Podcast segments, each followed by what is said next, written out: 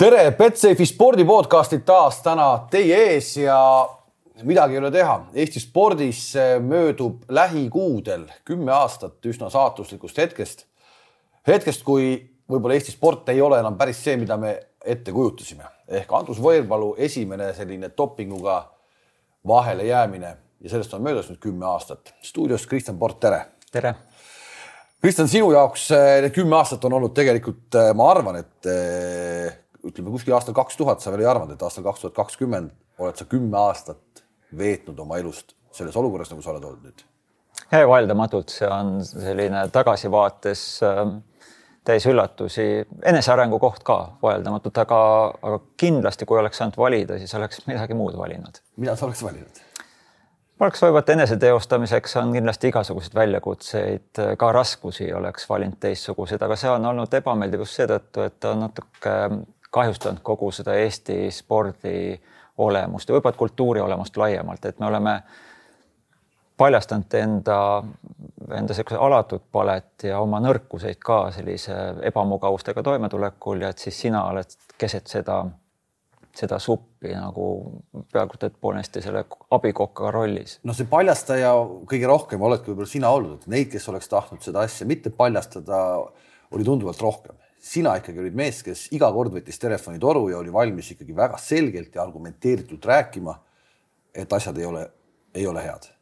eks ma esindasin vast seda osa talupojalikust äh, Eesti olemusest, mis üritab aru saada.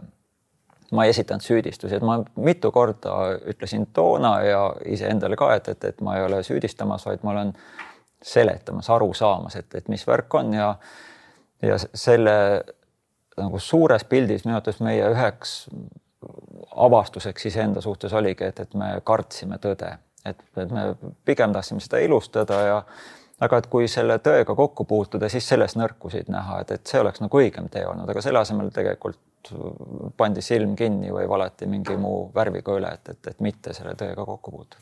Läheme kronoloogias natuke veel ettepoole tegelikult, kuidas sa üldse jõudsid nii kaugele. aastal tuhat üheksasada üheksakümmend, kolmekümne aastane noor härra Port tegi doktoritöö ja see oli ka tegelikult juba ikkagi spordiga seotud.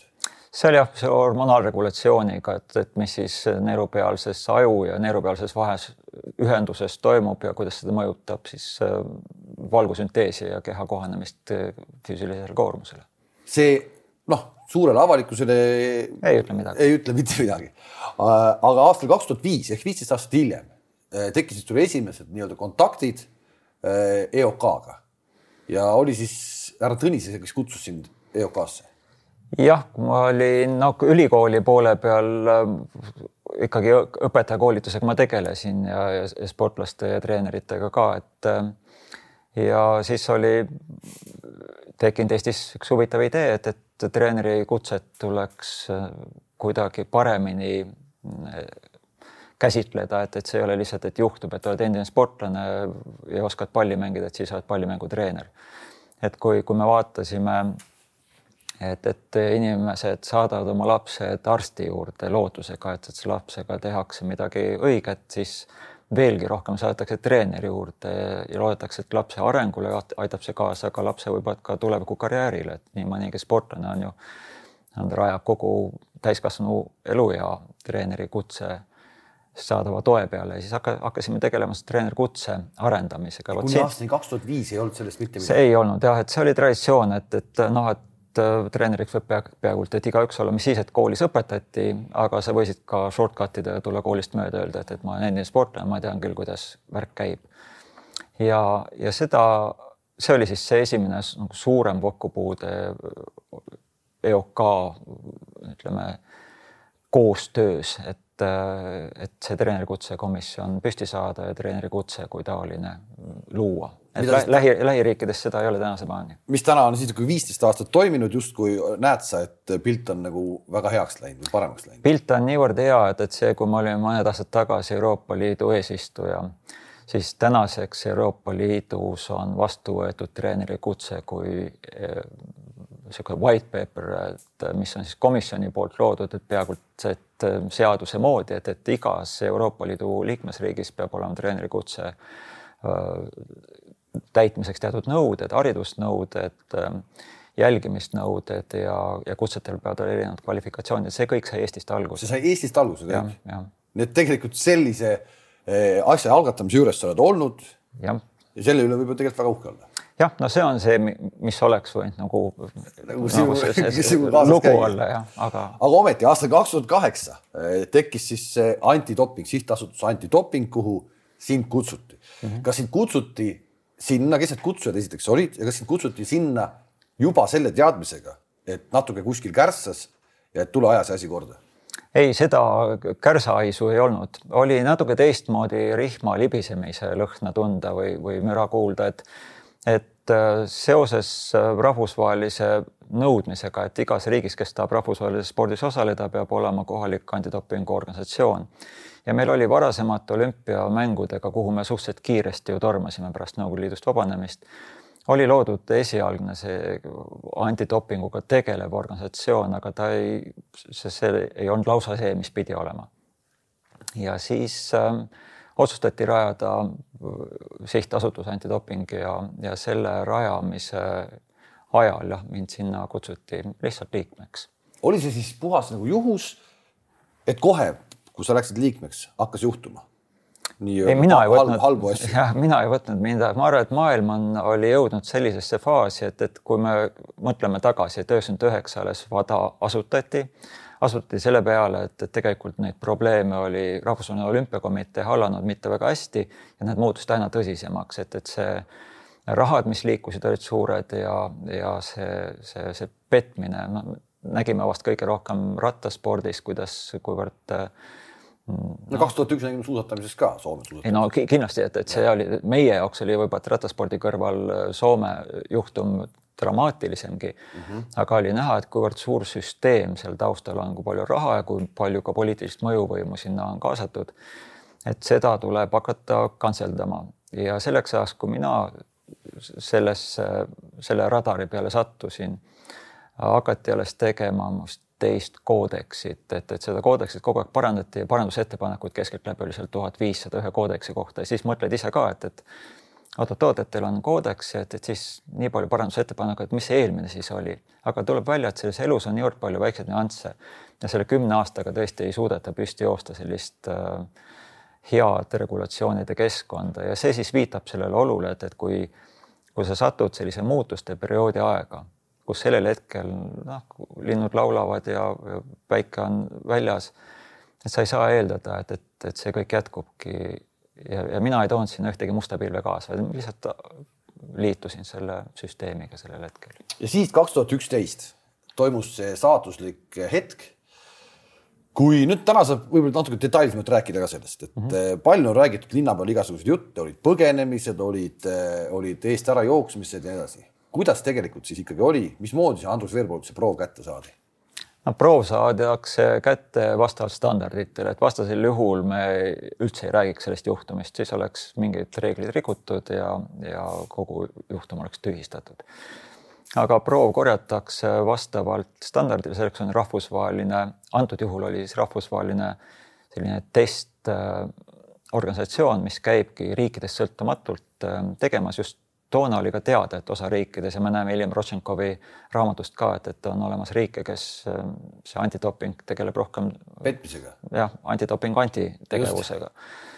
ja, ja, ja siis tulevad rahvusvahelised testijad ja need testijad siis palkasid kohalikud proovivõtjad, kes meie omad läksid seda proovi võtma aga nad ei olnud mitte Eesti antidoping ei käinud proovi võtmas. Gea, Gea Muru oli see. Gea Muru oli üks jah, ja et kuna ta oli meie testitiimi juht ja. proovi võtmise. jah proov võeti, proov saadeti ära ja siis hakkab äh, levima kuuldus, et Veerpalu jääb nagu haigeks, ei saa MM-ile ja, ja mingisugused jamad on seal veel, et need, need hakkasid, need signaalid hakkasid vaikselt tekkima. aga see on siis see protokoll, mis öeldakse, et teil on halb leid äh,, informeeritakse huvitatud, noh, kahte huvitatud osapoolt ja et, et äh, testime siis seda järgmist äh, proovi ka ja, ja noh, kui me hiljem seda protokolli jälgime, mis siis kas siis tuleb ju need hilisemad äh, avalikuks tulnud andmed, siis tuleb välja, et nad on päris pika dialoogi läbi pidanud, et, et oh, ma jätan karjääri maha, et ärme sellega tegele ja astume kõrvale, aga, aga seda me sellel hetkel ei teadnud. kuni siis, no ma mäletan, ma olin loengus ja telefon hakkab laua peal tirisema, kogu aeg lükkad ära, siis üliõpilased vaatavad ka juba neljas-viies kõne tuleb. Ja siis vaheajal võtan telefoni vastu ja siis, siis see on nagu see hetk, et kus enam-vähem mäletad, kus sa olid. ehk siis kes helistas ja kes ütles, kuidas see, kuidas see oli? Ähm, ma nüüd, kes konkreetselt, kuna neid kõnesid nimeliselt ma nägin mitu, mis olid telefonis. Äh, aga kõne oli siis see, et, et Veerpalu on andnud äh, halva dopinguproovi. Et, et kas ma oskan äh, seda kommenteerida ja noh, mina ei olnud, me ei olnud antidopingus ju kokku leppinud, et et mina pean sellest rääkima, ma olin varem mingites olukordades sellest dopingus toimuvast ja mis see doping on ja et sellest olin ajakirjanikel rääkinud ja. aga kohe jäid sina?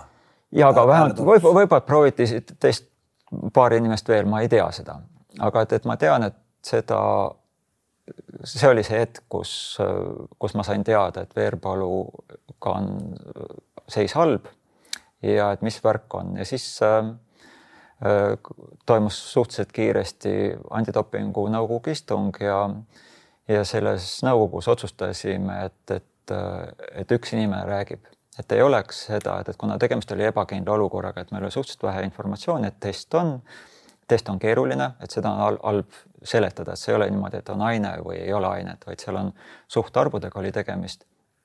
ja et et, et sina siis räägi, et lepime kokku, et, et sina räägi, et, et keegi ei teadnud, et see kuigi püsivaks jääb, aga et, et me üritame siis seletada, mis see on ja siis, siis tekkiski see ajakirjanduslik kontakt nagu suurem, et kus ma pidin sellel päeval mit, mitu korda seletust andma. okei okay,, aga ometi seleta, kuidas nii palju testitud mees nagu Andrus Veerpalu omal hetkel oli mm. -hmm. Neid testiti ju palju.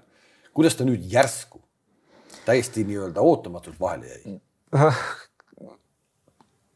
võtame Lance Armstrongi, kes ta ise ütleb, et teda umbes viissada korda testitud ja ei olnud kordagi vahele jäänud, et ähm, et see vahelejäämise tõenäosus, eriti võistluste välisel perioodil on, on väga väike just seetõttu, et see vastutegevus viis on hästi palju olnud, et sa võtad mikrodoosides, sa pead teatama ainult ühe teatud kellaaja, millal sa oled kättesaadav, ülejäänud aja sa võid olla suvalises kohas, küll, küll teatama, et sa oled selles kohas, et see peab Adamsis kirjas olema. ja see mikrodoos kaob organismist. ja see kaob ära, ütleme suhteliselt kiiresti ära ja kui sa siis äh, võtad seda valel ajal, äh, näiteks hommikupoole ja testijad tulevad ka hommikupoole, kuna sa arvad, et sa nagunii vahele jääd, pole tükk aega, noh, oled kogu aeg edukas olnud. Et, et siis see seletab nagu ühte äh, poolt, siis teine on see, et et kuna ja me hiljem näeme ka et FIS tegelikult kahtlustas juba pikemat aega, see oli põhjust kahtlustada. et kuidas seal enam-vähem seal viiekümnendatest kohtadest saavutatakse maailma tippu. vormi ajastamisega. vormi ajastamisse ja seal hakkasid noh, alati seal räägitakse, neid kahtlustusi on päris palju. ja, ja nemad üritavad täpselt samamoodi ajastada, et millal siis testida, millal on see suurem tõenäosus vahele jääda ja antud juhul siis ma arvan, et siin oli siis Veerpalu poolne ebaõnnestumine pluss siis äh, testijate poolne õnnestumine. eks see oli siis ikkagi ütleme nii, nii punktuaalse Väga mehe juhuslik. kui Mati Alaver, eks. ta on ikkagi punktuaalne omas tegemistes, me ei saa üle ega ümber mm. -hmm. ehk see oli tegelikult noh, tagantjärgi me saame aru, et nagu nende kala, nad lasid selle läbi ja te olite kohe ukse taga. Jah, nende black oli see ja, ja noh, hea testimise puhul ongi, et esimese vea peale korjatakse üles, et, et ega kui vigu ei tehta, siis on juba raske testida ropp võidujooks tegelikult äh, nii-öelda siis pättidega või? ta on jah, päris raske võidujooks olnud, et äh, need ootused ka sellel ajal on olnud, et ärme omi äh, väga testi, et vaatame noh, pealtvaataja jaoks on see teatraalne sündmus väga oluline, et, et, et kui keegi, keegi vahele jääb, et, et see on ka spordi osa.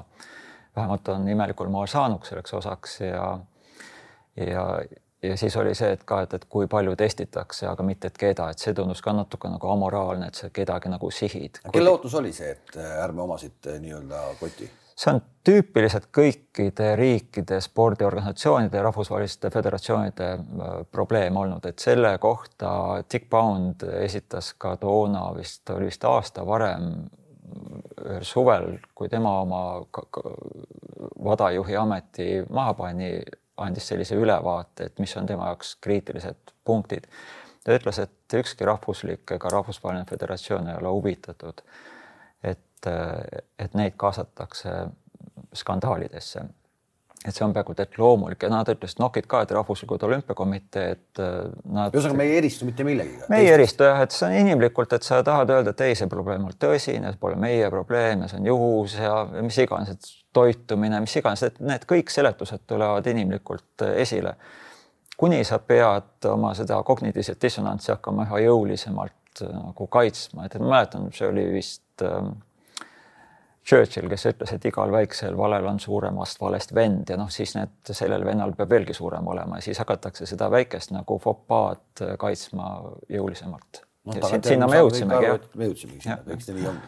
kui raske sul oli ausaks jääda selles mõttes, et kui palju sind survestati tegelikult? Eh, et kuule, mees, kui sina poleks nii-öelda olnud see kõneisik, et sina räägid, me olekski võinud võib-olla tegelikult ju öelda, et oligi lihtsalt paha lugu natukene ja, ja, ja mille Aivar Pilv ära klattis mm. -hmm. ei, ma usun, et seda võib ka kahtepidi vaadata, et, ähm, et arvatavasti oleks olnud keegi veelgi paremini selle olukorra saanud lahendada, et ega, ega ma õppisin samamoodi jooksvalt, et, et sind ei koolitata selliste olukordade lahendamiseks.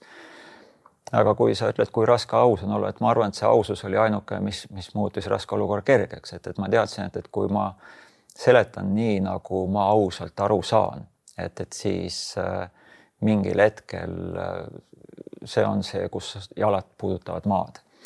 aga et kui sa pead äh, hakkama keerutama, et, et siis sa pead üha rohkem keerutama, et siis tuleb just selle vanema vale venna teed pidi lähed, et et seda ma tundsin, et et, et kui ma mingit teist teed valin ja lisaks ma rõhutasin ikka mitmel korral, et, et mina ei ole süüdistamas, ma olen seletamas.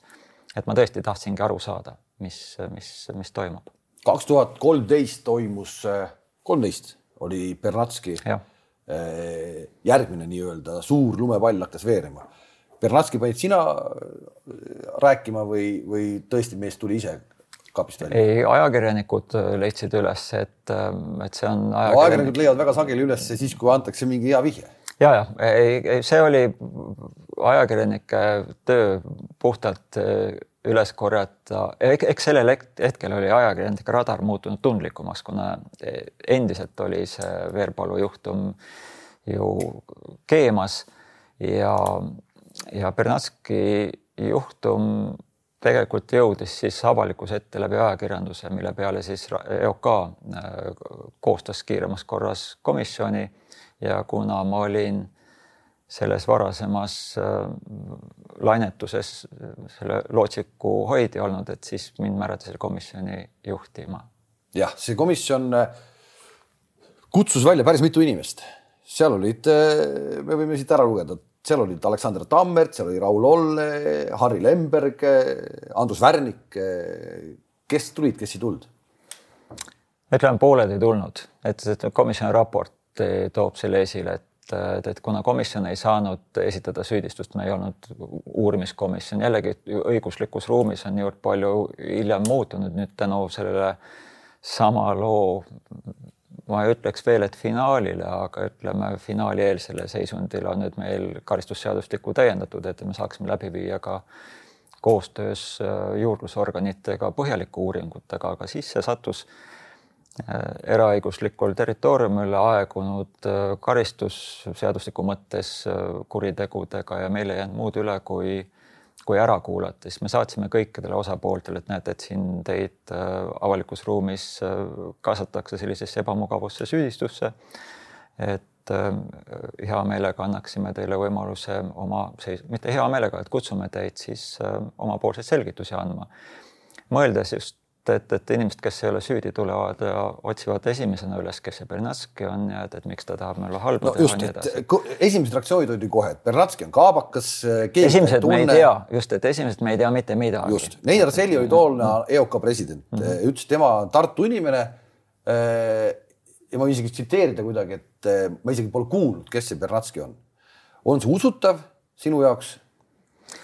Ma ei oska Neinari mälu analüüsida, aga ma lihtsalt mõtlen, Tartu ei ole väga suur ja Neinar tõesti peaaegu et kõiki teab ja Bernatski on spordi arsti eriala lõpetanud, neid ei ole väga palju, kes Tartusse tööle jäid ja ta seal töötas ja ta oli ju teada, vähemalt et kui me vaatame nüüd, et äh, Bernatski ütleb, et Alaver ja teised treenerid käisid tema ja, ja sportlased käivad ainet võtmas et ta peab ikka päris tuntud olema. Ja Neinar oli ülikoolis, töötas äh, kehakultuuri teaduskonnas, nii et, et, et selles suhtes ma usun, et, tal on viiskümmend protsenti tõenäosus, ta teadis äh, ja võib-olla ta unustas ära või siis antud juhul nagu, nagu Dick Pound ennustas, et rahvuslikud ähm, spordiorganisatsioonid ei ole huvitatud probleemide allajoonimisest seal oli ju iseenesest, no me kõiki inimesed ei saa öelda, kes ei, noh, et ei ole mõtet öelda, kes ei tulnud, ei tulnud, et see on nii vana asi ka juba.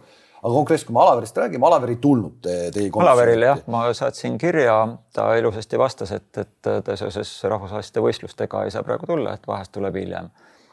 hiljem, hiljem teatas, et ikkagi ei tule. ja, ja väitis ka ju, et ei ole Bernatskiga suhelnud, ehkki tegelikult Bernatski ütles, et palun vaadake, mul telefonis on. jah et on, et on suhelnud ja, ja vestelnud ja Alaver on küsinud, et, et miks sa seda kõike teed. kas, kas nüüd tagantjärgi, kui sa seda Beratski juhtumit uuesti vaatad nüüd täna, tänaste teadmistega, siis tundub see kõik sulle loogiline? ja et ma ei saa ju kõike rääkida, aga, aga minuga võeti ühendust alati sa võid öelda, et osa inimesi on pahasoovikud ja räägivad sulle mingit valejuttu aga kui sa rohkem näed neid erinevaid jutte ja vestlusid ja, ka, ja, ja kuuled ka seda, mida Bernatski sulle ärakuulamise käigus räägib. Äh, et, äh, et tegelikult kirjeldab kogu see selle hetke infopilv suhteliselt sama asja jätkumist, mis nüüd jätkus praktiliselt kümme aastat. lihtsalt suurema õigustatusega, et me nagunii vahele ei jää. ehk siis see nii-öelda äh, hoog läks tegelikult veelgi just nagu suuremaks. hoog läks suuremaks, kuna saadi tihtipeale kurjategija, kes saab kohtust võidu, leiab, et, et ta on võitmatu ja ma arvan, et seesama inimlik efekt on, töötas ka siin. ja meie enda spordiametnikud tegelikult lõid selle pinnase selleks. jah, meie spordiorganisatsioon on ja võib-olla kultuur laiemalt, aga spordiorganisatsioon on selle kultuuri tipus, kes vastutab selle valdkonna eest et seal oli inimesi, kes selgelt ütlesid, et me peaksime rohkem uurima, et seda ei tohiks nii jätta ja samas oli täiesti selgelt inimesi, kes ütlesid, et huh, ja et asi möödas on, et ärme rohkem sellega tegele. kuigi on selge, et, et see sportlane ei saa niivõrd keerulise kompleksse sekkumisega ise toimetada, seal on arste, uurijaid, tarnijaid ja treenerid, kes kogu aeg tema treeningprotsessi juhib, et, et oleks pidanud kindlasti küsitlema treenereid juba pelgalt EOK üles kutsuma, et, et kuule, et Mati, tule räägi. Aga mis seal Tartus tegelikult siis neil aastatel toimus, mis seal ülikooli kliinikumides või mis, mismoodi, mis seal toimub siis?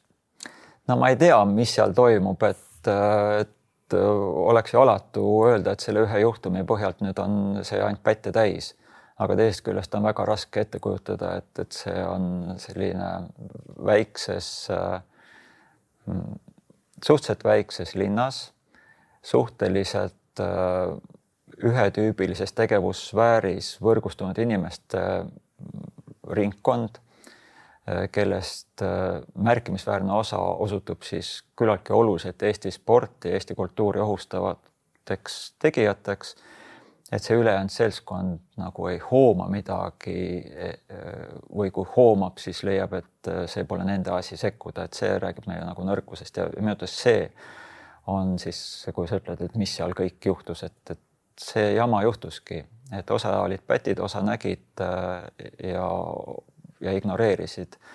Ja osasid ei informeeritud, kes oleks võinud tegelikult Eesti ütleme hinge kaitsta sellel hetkel julged sa öelda, et täna seda enam seal ei ole? ei, never say never, et, et, et kui me vaatame, kuidas see kaitsmine toimus, et Verbalu juhtumi kaitsmine, siis mind väga häiris see, et teadlased asuvad äh, Verbalu kaitsma, kuigi teadus otsib tegelikult objektiivset tõde, et, et, et mitte esita ühte või teist osapoolt. ja, ja kui Kassi argumentatsioonis näidatakse, et nende, nende argumentatsioon on, on noh no,, mitte, mitte, mitte pädev jah, mitte, mitte pädev jah ja, ja paar aastat hiljem siis tuleb tegelikult põhjalikum analüüs, mis ütleb, et nendega see statistiline argumentatsioon ei olnud pädev. et siis selle peale nagu mitte ühtegi tõe otsimise katset ei, ei toimugi, vaid et see taaskord unustatakse ära, et, et ärme sellest enam räägi. ja minu arvates see on nagu nõrkuse koht. aga oled sa, sa Alaveriga pole nende aastate jooksul nelja silma all vest-, vestelnud ei ole, aga nende teadlastega, kes tema selja taha läksid, te olete ju tegelikult nii-öelda ühe ala inimesed. Oled küsinud, kuule mehed, miks me jamame, miks te jamate? ei, me niimoodi ei ole, ma olen Kõksiga kokku puutunud ühe teise projektiga seoses äh, hästi põgusalt, aga see oli ka veel selline periood, kus äh, olid kerged nagu pinged, pinged üleval. ja, ja seal me seda teemat nagu üles ei võtnud. ehk te tegite? nagu viisakalt vaatasime lakke, et päris, päris pentsik olukord tegelikult. mõneti, aga noh, kui sul on see muu teema, mis, mis sind kokku toob, et, et siis keskendutakse sellele teemale, ega ebamugavatest asjadest ei räägita. kogu selle protsessi käigus eh, meil korra käis nimi läbi Gea Muru mm -hmm., naisterahvas, kes eh, tegi selle proovi asja, ta kadus päris kiiresti. tema ei teinud proovi, ta, tema juhtimisel koguti proovi. just, ühesõnaga, et, eh, et ta kadus päris kiiresti sellest seltskonnast ära, tema äh, ei pidanud võib-olla ütleme vastu, mis on ka arusaadav ikkagi, kui palju, oli sul konkreetselt ähvardusi, said sa mingeid email'e, said sa SMS-e, kuule mees, hoia eemale? ja ei, ikka ebamugavad inimesed, kui on vihased, siis nad reageerivad ja, ja sa, sa saad osa sellest, sellest enda pihta. tuli kirju, ähvardusi igasuguseid. Ähm, ja siis tuli, noh, ma olen seda kuskil ütelnud, et, et aeg-ajalt saad, ma ise sotsiaalmeediat ei jälginud, et täiesti teadlikult ka, aga teisest küljest ka, et, et see on niisugune tugevalt deformeeritud et aga aeg-ajalt saad nagu sõbra käest SMS-i, kes ütleb, kuule, et ära võta tõsiselt, et ja siis mõtled, mis asi ja siis saad aru, et kuskil käib mingi saagimine taaskord, et, et ma isegi ei hakanud uurima, mis, mis seal toimumas on. Aga reaalselt, et näiteks sina oleks pöördunud politsei poole, et kuulge, tegelikult vaadake, mis mul siin toimub postkastis. jah ja..., mul natuke võib-olla üritades seda Veerpalu juhtumit ka seletada, et, et õpid ise ka, et, et näed, kuidas rahvad reageerivad, et, et ma olen sellel hetkel ka uurisin, mis, mis mujal maailmas on toimunud, et et no mõnes kohas täitsa tullaksegi kallale, et et sa pead selleks valmis olema, aga teisest küljest sa saad aru, et millest see tuleneb, et, et paljud inimesed on väga sügavalt solvunud, et, et ma olin ise ka väga kurb, kui, kui näed, et et minu jaoks oli ka Alaver oli, oli, ma kasutasin teda ka mitmes kohas treenerikoolitusel sellise näitena, et et mõtlik ja arutlev ja analüütiline treener ja, ja ega, ega Veerpalu oli ka ju kangelane, et, et palju meil neid spordikangelasi on, et ma mäletan, et kui üliõpilastega me jätsime loengu pooleli, läksime telekat vaatama, et et need olid olulised sündmused. siis sa oled, no, jah, ja siis sa oled järsku sellises nagu teisel pool ja siis, siis hakkadki mõtlema, et et, et kuidas sa sellisest emotsionaalsest äh, kõva ja veel kõvema koha vahel olevast seisundist välja pääseda, siis mõtlesin, et ainukene viis ongi, et, et kui sa saad aru, mis on õige, mis on vale. ja, ja ma üritasin aru saada siis, et, et miks rahvas solvub ja on vihane. Ja ja see vahest natukene nagu tegi, ma ei tea, kas elu kergemaks, aga lihtsamaks, et et see grupi käitumine on paratamatu. Ja noh, Eesti rahvas on väiksem ja, ja puhtstatistiliselt need kõige hullemad juhtumid sealt välja ei tulnud on äh, keegi nüüd hiljem tolleaegsetest sinu nii-öelda mustajatest või et jätame kangelased rahule, tulnud öelnud sulle, et kurat, sorry, et, et tegin, tegime sulle kuskil avalikkuses liiga näiteks? ei, seda ei ole küll äh, esile tulnud, on sellist väga toredaid vestlusi on, noh, ma mitmes kohas ju avalikke loenguid pidanud, siis mõnikord ikkagi pärast loengut keegi tuleb nööpi keerama kuskil ja, ja siis äh, neid üksikuid juhtumeid ma võin küll öelda, et on mõned olnud, kus inimesed ütlesid, et, et ma sain alguses täiesti valesti aru. aga nad ei hakanud ütlema, et, et vot, et mina sinu nuku sisse torkasin nõelu, et sul valus oleks. Nad lihtsalt ütlesid, et, et, et nad ei uskunud seda. no ilmselt ei uskunud ka uus EOK president eh, Urmas Sõõrumaa, kui ta pani Mati Alaveri presidendiks saades EOK täitevkomitee liikmeks no tundus nagu absoluutselt eh, vastu suunast, vastassuunast sõitmine tegelikult, aga nii läks. see oli huvitav jah, et eh, kuna see lugu oli teatud mõttes nagu maha rahunenud ja ja noh, kuidas sa siis lood sellise kuvandi, et, et tegelikult midagi hullu pole olnudki, siis sa siis tõstadki selle hullu poole ka laua peale, et, et, et kõik on puhas ja, ja pestud. et ma usun, et tema soovis, jällegi seda peab tema käest otseselt küsima, aga et et mu enda mõte on see, et, et ta soovis, et neid probleeme ei ole, et lähme nüüd, noh, ta tuligi teatud mõttes nagu puhtalt lehelt, et et muudame spordiorganisatsiooni paremaks ja tugevamaks ja aga ärme vigadest õpi. et see oli natuke nagu kurb. kas, kas tema ajal äh, need lepingud, mis sportlastega tehakse toetuste osas äh,, oli ju nii, et, et, et varasemalt isegi ei olnud nendes lepingutes, mis on justkui riigi raha, nad saavad toetusi et kui sa jääd vahele, pahandust teed, sa tagasi maksma raha ei pea. sihukest, seda ei olnudki ju nii-öelda lepingusse fikseeritud. vanasti ei olnud, aga see enam-vähem. see tuli peaaegu et selle Veerpalu juhtumi käsitluse järel kohe, kui hakati, me seal arutlesime, et, et, et Veerpalu ei saa ju olla ainukesena siin süüdi, et, et, et me peaksime uurima neid teisi ka. Et millised õigused meil on, kas EOK-s on selliseid õiguseid ja, ja siis tuli välja, et Äh, selle juriidilise analüüsi käigus, et, et me treeneritega ei saa üldse midagi peale hakata.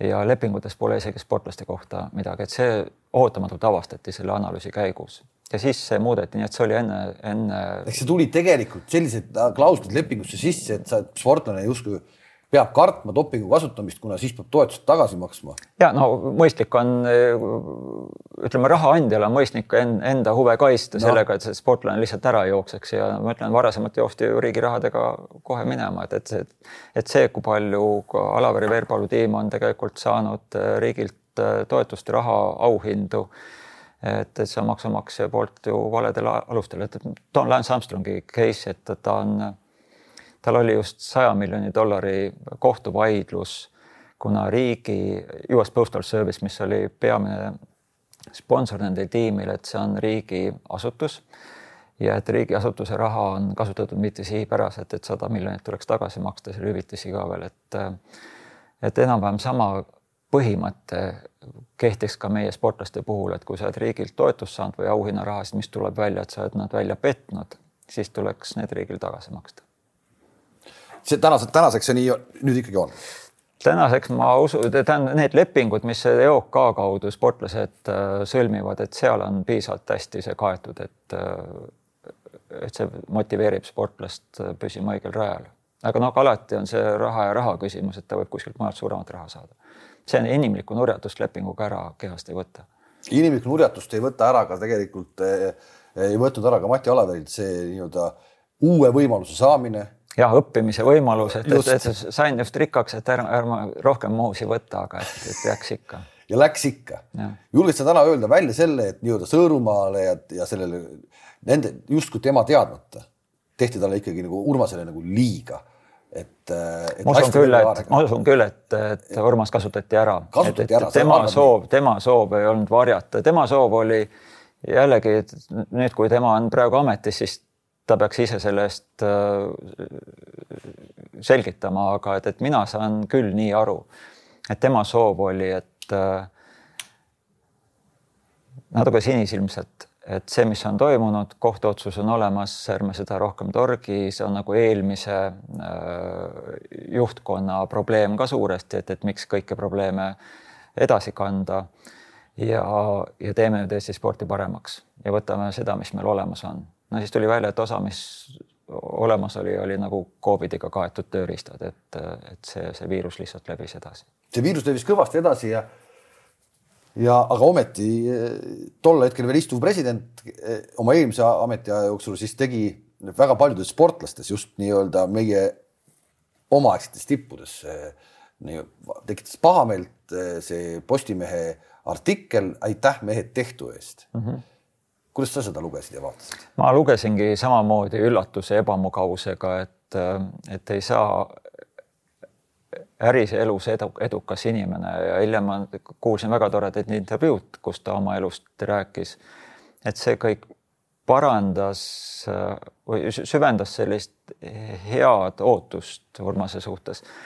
ja, ja, ja samas see nagu super lihtsameelne konflikt, et mis, mida ilmsemalt on tegemist probleemset probleeme kandvate isikutega, et, et seal peaks kasvõi ülejäänud rahva ehk see spordis osalevate inimeste tunnetega arvestades sõnastama seda kasvõi natukene vaoshoitumalt ja eile Urmas siis ongi proovinud õigustada, et, et oh, see on tema moodi ütlemine ja tegelikult ta nii ei mõtelnud ja nüüd ta ju ütles ka, et, et teda kasutati julmalt ära.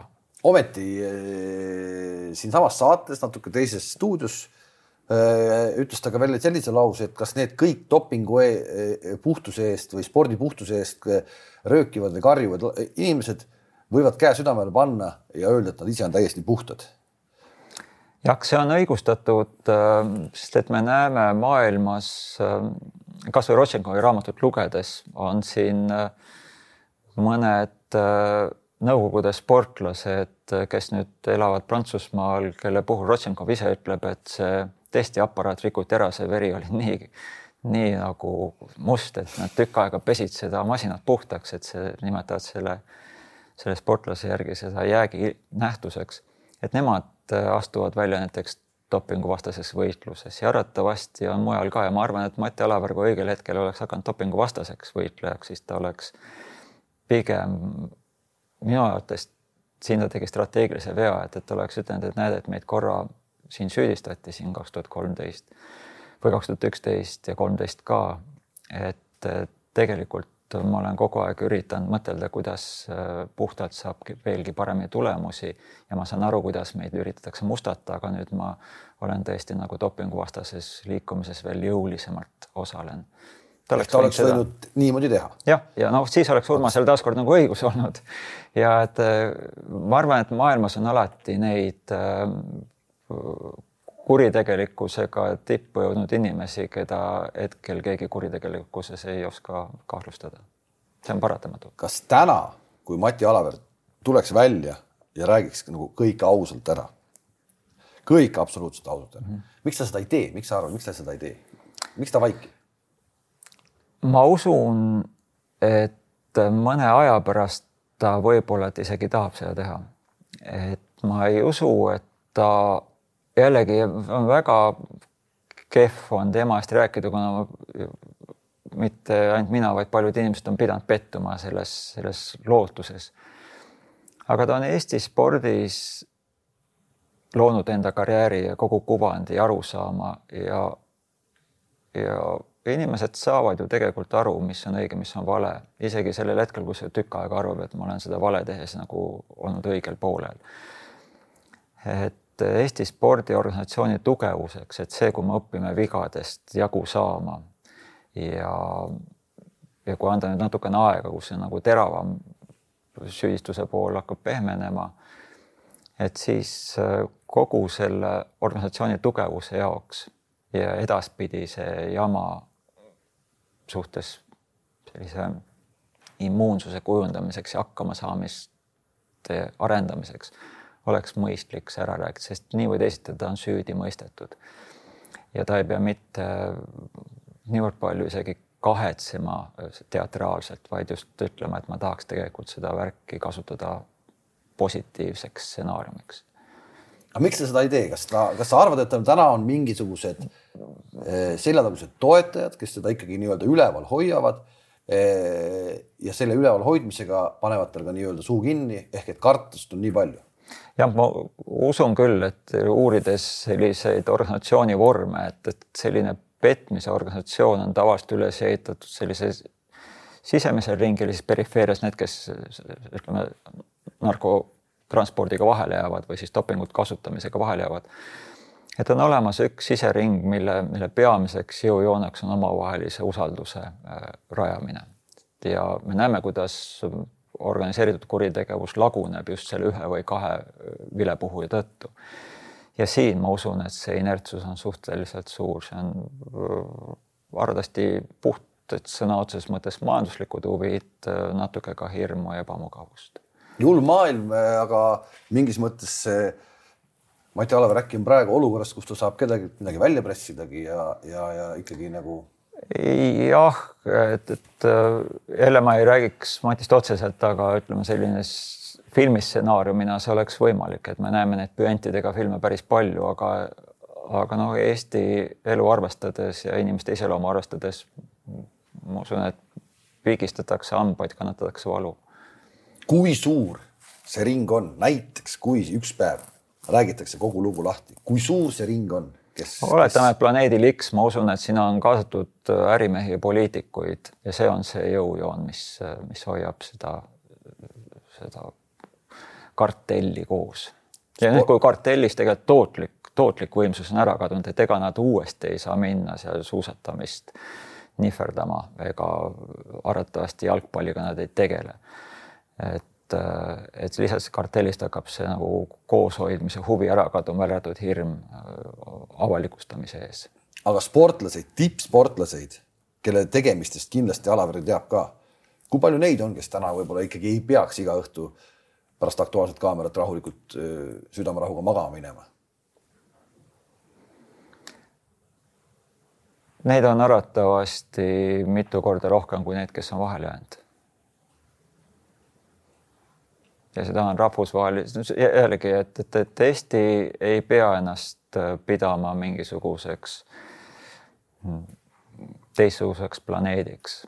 et, et, et vaatame nendes riikides, kus nende jamadega on natuke rohkem tegeletud ja sügavamalt kaevatud. et kasutajate hulk on suhteliselt suur võrreldes vahelejääjatega. ja, ja meil selles kultuuriruumis me oleme tihtipeale väikse riigina natukene nagu agaramadki. et, et, et siin toimetulekuks sa pead natuke kontrastsemalt edukam olema ja, ja seetõttu ja just arvestades seda ka, et, et see Alavere juhtum on noh, kümmekond aastat olnud edukas projekt. et nüüd öelda, et need, need üksikud, kes on äh, mullidena vee peale tulnud, et, et see ongi kõik, see on puht, puht statistiliselt ebatõenäoline. ehk see puhtalt nii-öelda lihtne matemaatika ütleb sulle, et see ei ole reaalne. et te tegelikult kätte saanud olete ikkagi sellise väiksema, osa, osa. Kusjuures kõik kasutajad ei pea sugugi edukad olema, et, et see on jällegi üks oluline just õppimise koht ka avalikkusele. Et äh, päris palju keskpäraseid kasutab just sellepärast, et oma positsiooni parandada, aga neil ei õnnestu iga kord, see on erinevad põhjused, mille pärast spordis ebaõnnestutakse. ja nüüd öelda, et, et me saame ainult tippude kaudu teada, kui palju dopingut kasutatakse, siis see on eksitav. see, mis te praegu räägite siin või see on ju see on ju tegelikult nagu kuidagi, kuidagi selline asi, et miks keegi peaks täna oma lapse trenni viima?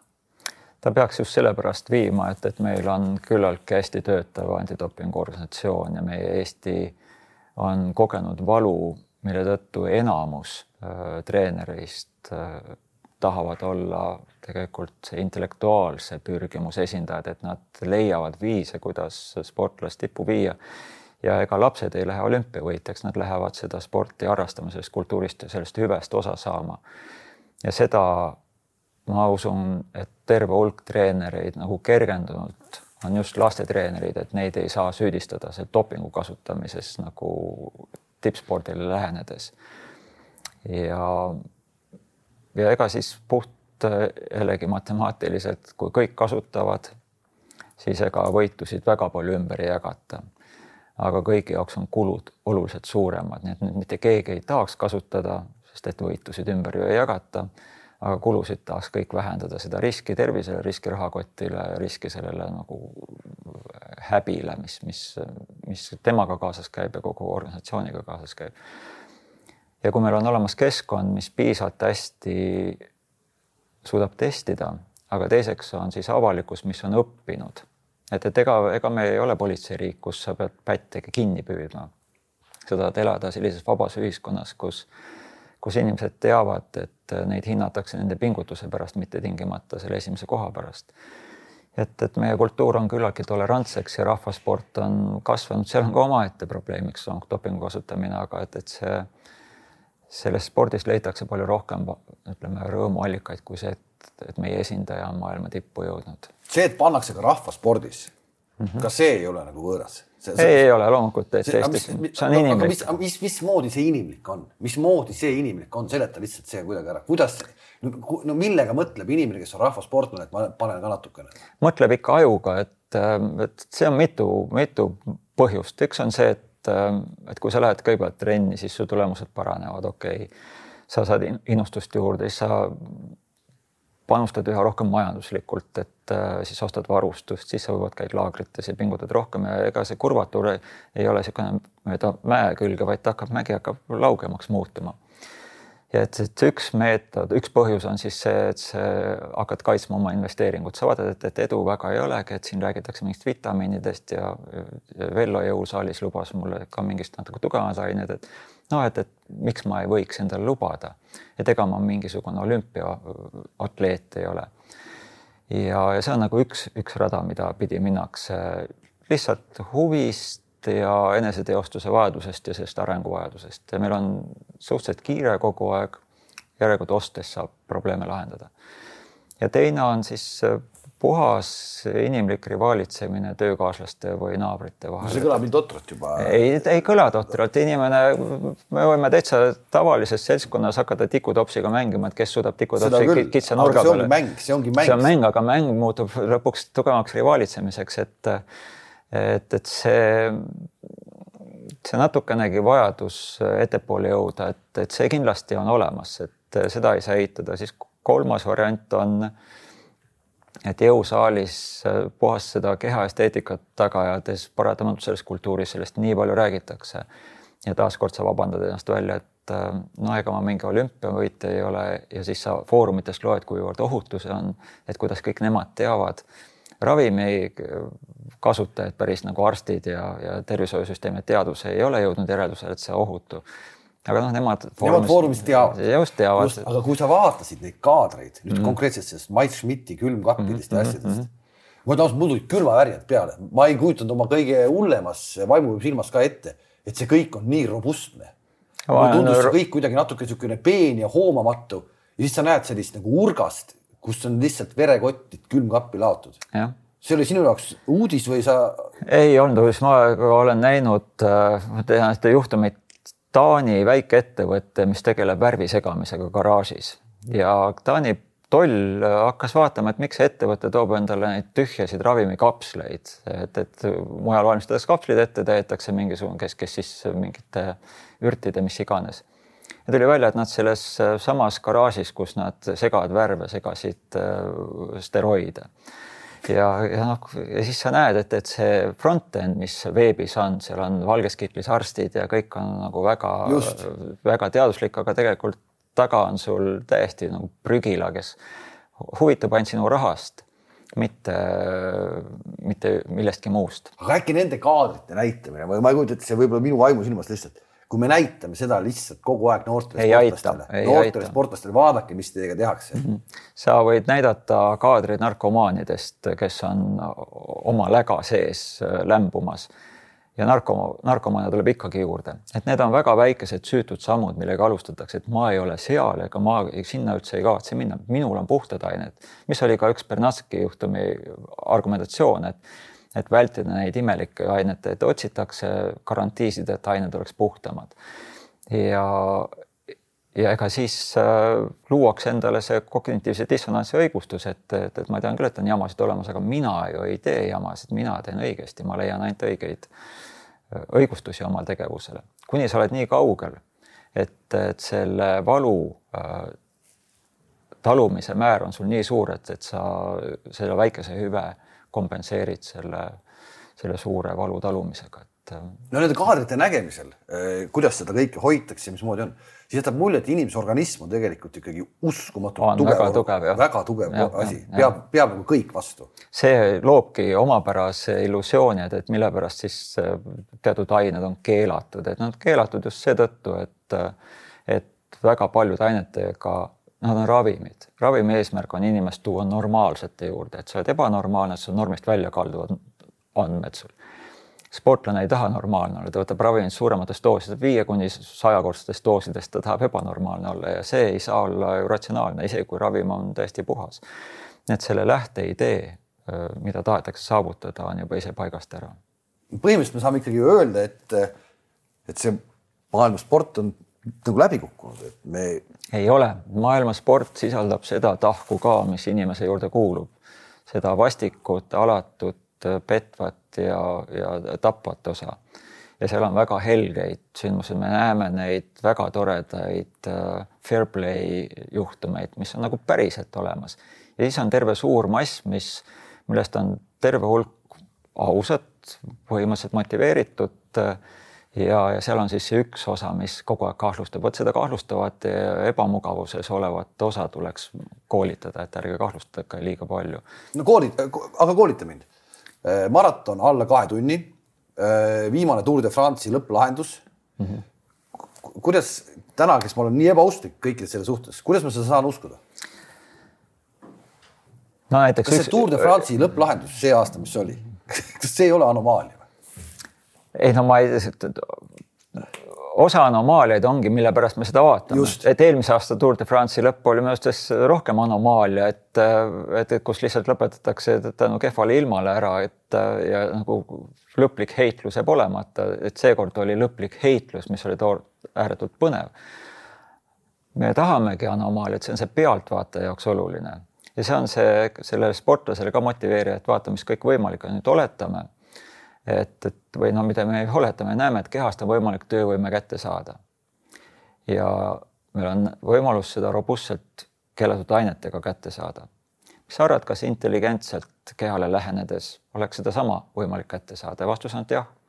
aga meil ei ole aega seda nutikust välja mõtelda et me mõtleme, et kui läheb väga kiireks, siis me ikkagi meil on lihtsamad vahendid. meil on lihtsalt jah, poest saada kuna kultuuris on see niivõrd kaua ja, ja selles süsteemis on ta niivõrd kaua vihjatakse ja tehakse niivõrd kättesaadavaks. et siis seda, seda huvitavamat teed on raskem kõndida. aga see ei ole ju välistatud. ja, ja kui, kui vaadata neid uuringuid, mis ütlevad, ütleme kolmkümmend, võib-olla nelikümmend protsenti kasutavad või on kasutanud. Nad ei pea praegu kasutama siis endiselt pooled võitjad peaksid olema ju täiesti puhtalt sinna jõudnud, et see peaks küllaltki oluliselt motiveerima, et, et saab ka niimoodi ja teine võib-olla, võib-olla kordan ennast selles mõttes, et et me oleme võib-olla nii liiga merkantiilseks muutunud ühiskonnana, et me tahame ainult seda esimest kohta, aga, aga me näeme ja ütles sponsorid, kes rahvasporti on tulnud just riskides seda, et, et tippsport on natuke liiga räpane, et, et me võib-olla praegu teeme küll targa otsuse, aga viie aasta pärast osutub see samasuguseks Seefeldi jamaks et paneme raha parem sinna, kus äh, esimesi kohti ei hinnata, vaid hinnatakse seda personaalset osalust, seda personaalset väikest äh, lugu.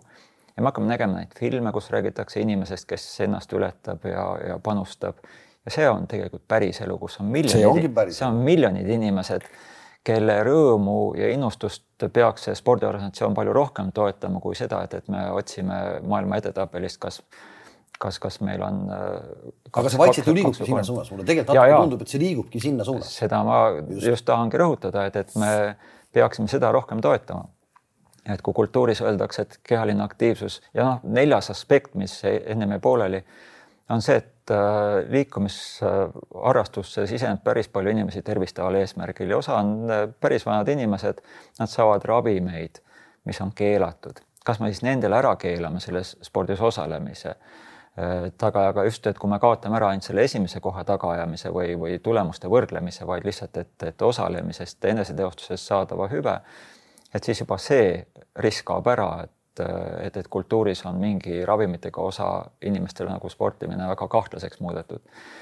et, et see eneseteostusele rõhumine on, on, on täitsa tehtav ja ja me näeme, et, et see moodustab absoluutselt enamuse ka sponsorite jaoks. Need on need päriselt inimesed, kes asju ostavad, mitte tippsportlased, kes reklaamivad ühte, aga kasutavad midagi muud, et neid on väga vähe. Kristjan, sa kümme aastat oled olnud äh, nüüd selles äh, karussellis sees, nagu me siin täna juba pikalt rääkinud oleme. Äh, julged sa öelda täna, et järgmised kümme aastat, nüüd, kui me saame selle Alaveri ja Veerpalu case'iga ühele poole, et järgmised kümme aastat sa ei pea enam olema selle, see hääletoru. ei, ma ei julge. on meil, okay. oodata mingit uut pauku? ja okei okay,, ma just tahtsin täpsustada, et, et, et ma arvatavasti mingi aja hääletoru olen, et, et kui, kui räägitakse, siis kultuuri inerts on see, et sinu käest küsitakse, siis sa ütled, et nüüd on see aeg otsas, ma enam ei räägi. aga, aga ma usun, et, et see tõenäosus nagu suure skandaali lahvatamiseks on koguni kümme protsenti. tähendab, et üheksa, üheksakümmend protsenti ei ole. koguni kümme? jah. on see siis nii-öelda sinu mõistes suur protsent ikkagi? see on just sedamoodi hinnang, et, et ta väga suur ei ole, aga ta ei lase ignoreerida seda riski ja see ei, oleks väga rumal kuulutada praegu, et, et Mati Alaver on nagu ainukene kahtlane treener meie treenite seas. kuhu suunda me peaks pilgud pöörama? no see on huvitav, et kui me pööraksime pilgud raskejõustiku ja kulturismi poole, siis me nagu üldse ei imestaks, nii et me ütleme, see on nagu peaaegu garanteeritult ja see ei ole üldse selline, mis skandaali põhjustaks, see on nagu väga imelik kultuuri deformatsioon, kus me anname järgi millelegi. aga ma usun, et need on saavutussport, kus, kus peab päris palju treenima, oma suu, suure mahuga treenima, et ma ei ütle midagi praegu ratturite ega triatlonistide osas. aga, aga üldiselt kipub olema see kiusatus nendes kohtades, kus treening on väga kompleksne ja keeruline, et seal leidub treenereid, kes ütlevad, aga miks mitte, ma nüüd tean, ega ma nii loll ei ole nagu Olaver et, et neid inimesi ei ole ära kadunud. päris kurb, tuleb tunnistada, kui sa ütled, et see ei ole ka ära kadunud ja ilmselt see ei kaogi. ei kao. see jääbki. aitäh, et sa tulid Aitäh. ja, ja minu arust on äärmiselt huvitav alati, alati rääkida. Loodetavasti kümne aasta pärast me ikkagi ei pea uuesti siin istuma ja, ja sama juttu rääkima, et mis nüüd järgmisel kümnel aastal juhtus. jah, lepime nii kokku. lepime siin praegu nii ja. kokku. aitäh ja aitäh vaatamast, kohtumiseni